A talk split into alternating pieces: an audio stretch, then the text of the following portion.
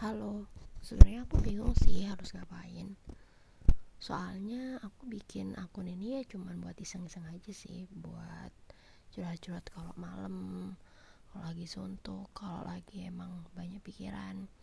Jadi kalau misalnya kalian nemuin sesuatu yang gak sesuai sama kalian atau bahkan buruk, hmm, abaikan aja ya, jangan diambil. Apalagi dijadiin pedoman.